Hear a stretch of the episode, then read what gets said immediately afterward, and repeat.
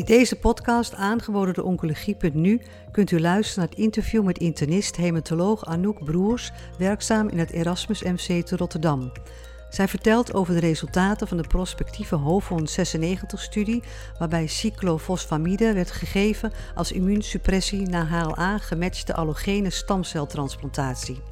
Haar abstract werd geselecteerd voor presentatie bij het Presidential Symposium tijdens de 61ste ASH Annual Meeting in Orlando.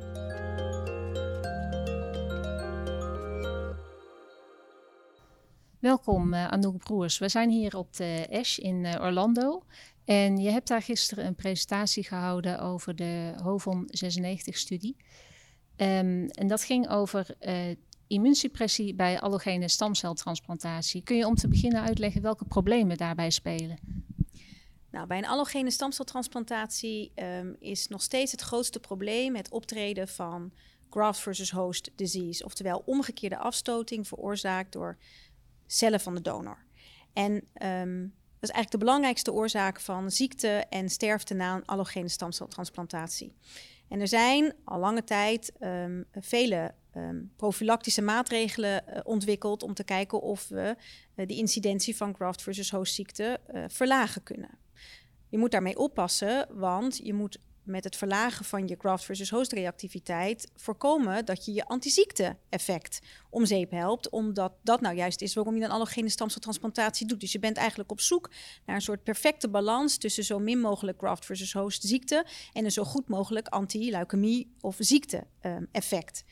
Nou goed, ze zijn begonnen met het ontwikkelen van gewone conventionele standaard maatregelen, bestaande uit cyclosporine gecombineerd met metotrexaat bij de myeloablatieve conditionering en een combinatie van cyclosporine met mycophenolaat bij de gereduceerde conditioneringsschema's.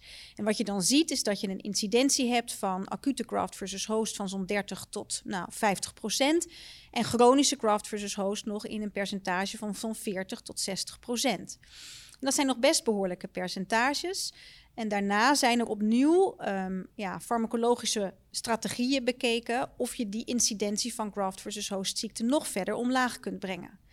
Nou, een vorm daarvan is bijvoorbeeld antithymocytoglobuline, ATG. Daar is in studies, met name na onverwante donortransplantaties met stamcelbron B-merg uh, gezien uh, dat de incidentie van met name chronische graft versus host ziekte omlaag gaat. En daarnaast werden er op een gegeven moment veelbelovende resultaten gezien met uh, het gebruik van hoge doseringen cyclofosfamide na stamceltransplantatie. Um, en dat heeft eigenlijk gemaakt um, dat wij deze studie hebben opgezet. Kun je vertellen um, met hoeveel patiënten je dit hebt gedaan en welke patiënten en, en wanneer is deze studie van start gegaan? De studie is van start gegaan. De eerste patiënt is geïncludeerd oktober 2013. En het moesten uh, patiënten zijn uh, fit met een goede WHO performance status tussen de 18 en de 70 uh, eh, jaar die een hoog risico hematologische maligniteit hadden. Dus dat hoefde niet per se bijvoorbeeld acute leukemie te zijn, maar we hebben ook myeloompatiënten geïncludeerd, CLL-patiënten, Hodgkin en non-Hodgkin lymfoompatiënten. En ze moesten in bezit zijn van dan wel een HLA-gematchte broer of zus of een goed gematchte, dan tenminste 10 uit 10 HLA gematchte onverwante donor. Als ze nierfunctieproblemen hadden, of ze hadden een actieve infectie, of er werd ATG gebruikt, dus die antithymocytoglobuline, um, dan mochten ze niet meedoen uh, aan de studie. En ze mochten ook niet meedoen als de ziekte niet goed onder controle was. Dus er mag geen sprake zijn van een refractaire ziekte of een progressieve ziekte op het moment dat we de patiënten transplanteerden. Nou, en uiteindelijk hebben we uh, 160 van dergelijke patiënten in de studie uh, gebracht. En uiteindelijk gerandomiseerd. Uh, 1 staat tot 2 voor dan wel de conventionele immuunsuppressiearm, dan wel de posttransplantatie cyclofosfamidearm. En die conventionele immuunsuppressiearm die bestond uit een combinatie van cyclosporine A, dat gaven we dan tot zes maanden na de stamceltransplantatie. En daarnaast mycophenolzuur en dat gaven we tot drie maanden na de stamceltransplantatie. En wat betreft de post, posttransplantatie cyclofosfamidearm gaven we die hoge dosis cyclofosfamide op dag 3 en 4 na transplantatie in een dosering van 50 milligram per kilogram. En dat combineerden we dan met een heel kort korte periode cyclosporine uh, van dag 5, dus de dag nadat je de cyclofosfamide hebt gegeven, tot dag 70. Het is van belang nog om te noemen dat het allemaal stamceltransplantaties waren met perifeer bloed stamcellen. Dus dat zijn de patiënten geweest. En het is ook nog wel van belang om te noemen dat niet alle patiënten uiteindelijk aan transplantatie zijn toegekomen. Een aantal patiënten zijn er na de randomisatie uitgevallen, omdat ze tussentijds toch ziekteprogressie lieten zien. En uiteindelijk zijn er 151 patiënten um, daadwerkelijk getransplanteerd, waarvan 52 in de conventionele arm en 99 in de posttransplantatie cyclofosfamide arm. En daar is uiteindelijk de hele analyse op gedaan.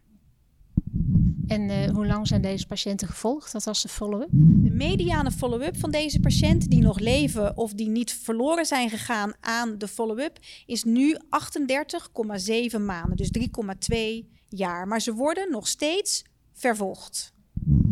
En uh, welk effect zagen jullie dan op uh, de graft versus host ziekte? Nou, er zijn twee belangrijke dingen om daarin te benoemen. We hebben gekeken naar de acute graft versus host ziekte en we hebben gekeken naar de chronische graft versus host ziekte. Als je kijkt naar de acute graft versus host ziekte, dan kijk je met name hebben we gekeken naar de graad 2 tot 4 en dan zie je een significant verschil um, um, in, het, in de incidentie, de cumulatieve incidentie van de acute graft versus host graad 2 tot 4, uh, waarbij dat in de patiënten na posttransplantatie cyclofosfamide echt significant lager lag dan bij de patiënten met de conventionele immuunsuppressie. En dat verschil was nog groter voor de chronische extensive graft versus host ziekte, dus echt de ernstige chronische omgekeerde afstoting. Um, dat was maar 19% in de patiënten na die posttransplantatie cyclofosfamide en dat is echt laag, terwijl dat op 50% lag in de conventionele armen. Dat was een zeer significant verschil.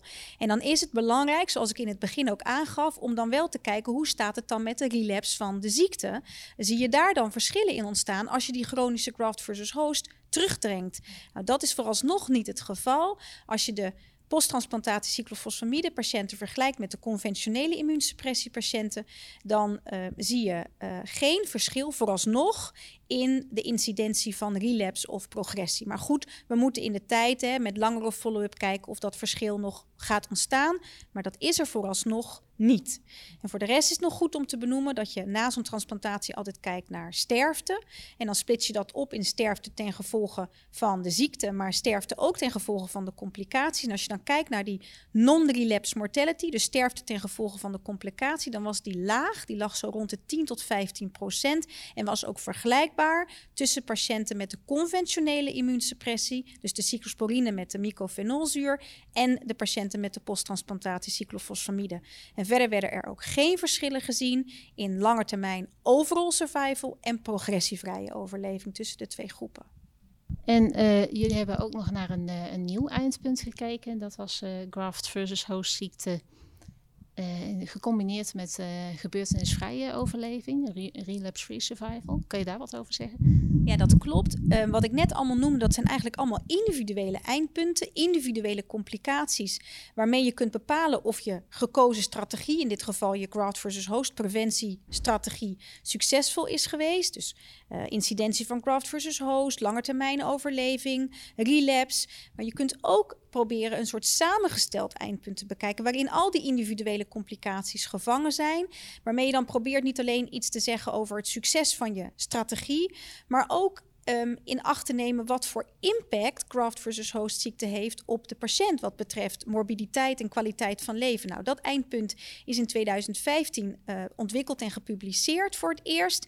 Um, en dat is een eindpunt wat kijkt naar de graft versus host ziektevrije, relapsevrije overleving. En dat wordt gedefinieerd als overleving zonder acute graft versus host graad 3 tot 4 chronische graft versus host die geen systemische behandeling behoeft, relapse of overlijden door een andere oorzaak in het eerste jaar na transplantatie. Nou, ook dat hebben we bekeken in onze studie. En dan zie je dat patiënten na posttransplantatie cyclofosfamide, zo'n GRFS, zoals de afkorting dat dan stelt, GVHD-free, relapse-free survival, uh, hebben van 45%, terwijl dat in de conventionele arm maar 22% is. En dat is een belangrijke bevinding, omdat dat ook iets zegt over ja, zeg maar de lange termijn benefits en wellicht ook zelfs echt de kwaliteit van leven van deze patiënten. Ja, en uh, welke conclusies uh, verbinden jullie hier nu aan? En gaat dit ook gevolgen hebben voor de manier waarop deze patiënten worden behandeld? Nou, wat conclusies betreft kan ik zeggen dat um, het toepassen van posttransplantatie cyclofosfamide um, in deze patiënten, die dus een passende H-laag gematchte familiedonor of een goed gematchte 10 uit 10 onverwante donor hebben, die een stamceltransplantatie krijgen met perifeer bloed en gereduceerde conditionering, dat in die setting posttransplantatie cyclofosfamide echt een significante uh, vermindering geeft van zowel acute graft versus host graad 2 tot 4 als chronische extensive graft versus host ziekte als je het vergelijkt met de conventionele immuunsuppressie bestaande uit cyclosporine en mycophenolzuur. Dat er vooralsnog met een mediane follow-up van 3,2 jaar geen effecten zijn gezien op de relapse rate en ook niet op de overal en progressievrije overleving.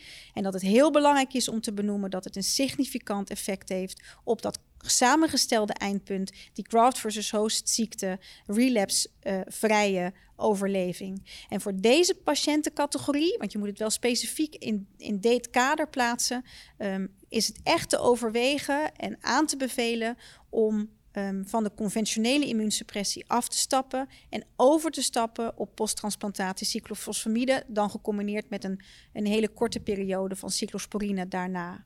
Um, dat is denk ik voor deze patiëntencategorie de aanbeveling. Je kunt dat niet direct vertalen naar andere transplantatiesituaties, want er zijn vele manieren van transplanteren, verschillende stamcelbronnen, verschillende type donoren, verschillende conditioneringsschema's. Dus het wil niet zeggen dat je dit direct kunt extrapoleren naar al die andere settings, maar in deze setting um, zou ik dat willen aanbevelen. En gaan jullie ook nog kijken naar uh, het gebruik van cyclofosfamide in die andere settings? Nou, uh, wat betreft het, het, zeg maar toekomstige ideeën, denk ik dat het um, heel zinvol zou zijn om te kijken of je studies kunt ontwikkelen of een studie kunt ontwikkelen, wederom prospectief gerandomiseerd, omdat ik denk dat dat in ieder geval heel belangrijk is om te doen binnen uh, de transplantatiewereld, omdat het daar best aan ontbreekt. Dus het doen van dergelijke, deze prospectief gerandomiseerde studies is heel belangrijk. En wat je dan je bijvoorbeeld als studie zou kunnen voorstellen, is dat je posttransplantatie cyclofosfamide gaat vergelijken met een middel als ATG, antithymocyteglobuline, antithymocyteglobuline, wat hier uh, binnen Europa en zeker bij de onverwante donoren veel wordt gebruikt uh, om te zien hoe die zich tot elkaar uh, verhouden. Niet alleen ten aanzien van de incidentie van graft versus host, maar ook ten aanzien van de incidentie van relapse en bijvoorbeeld ook ten aanzien van infecties en dergelijke. dus ik denk dat een dergelijke prospectieve studie um, heel interessant zou zijn.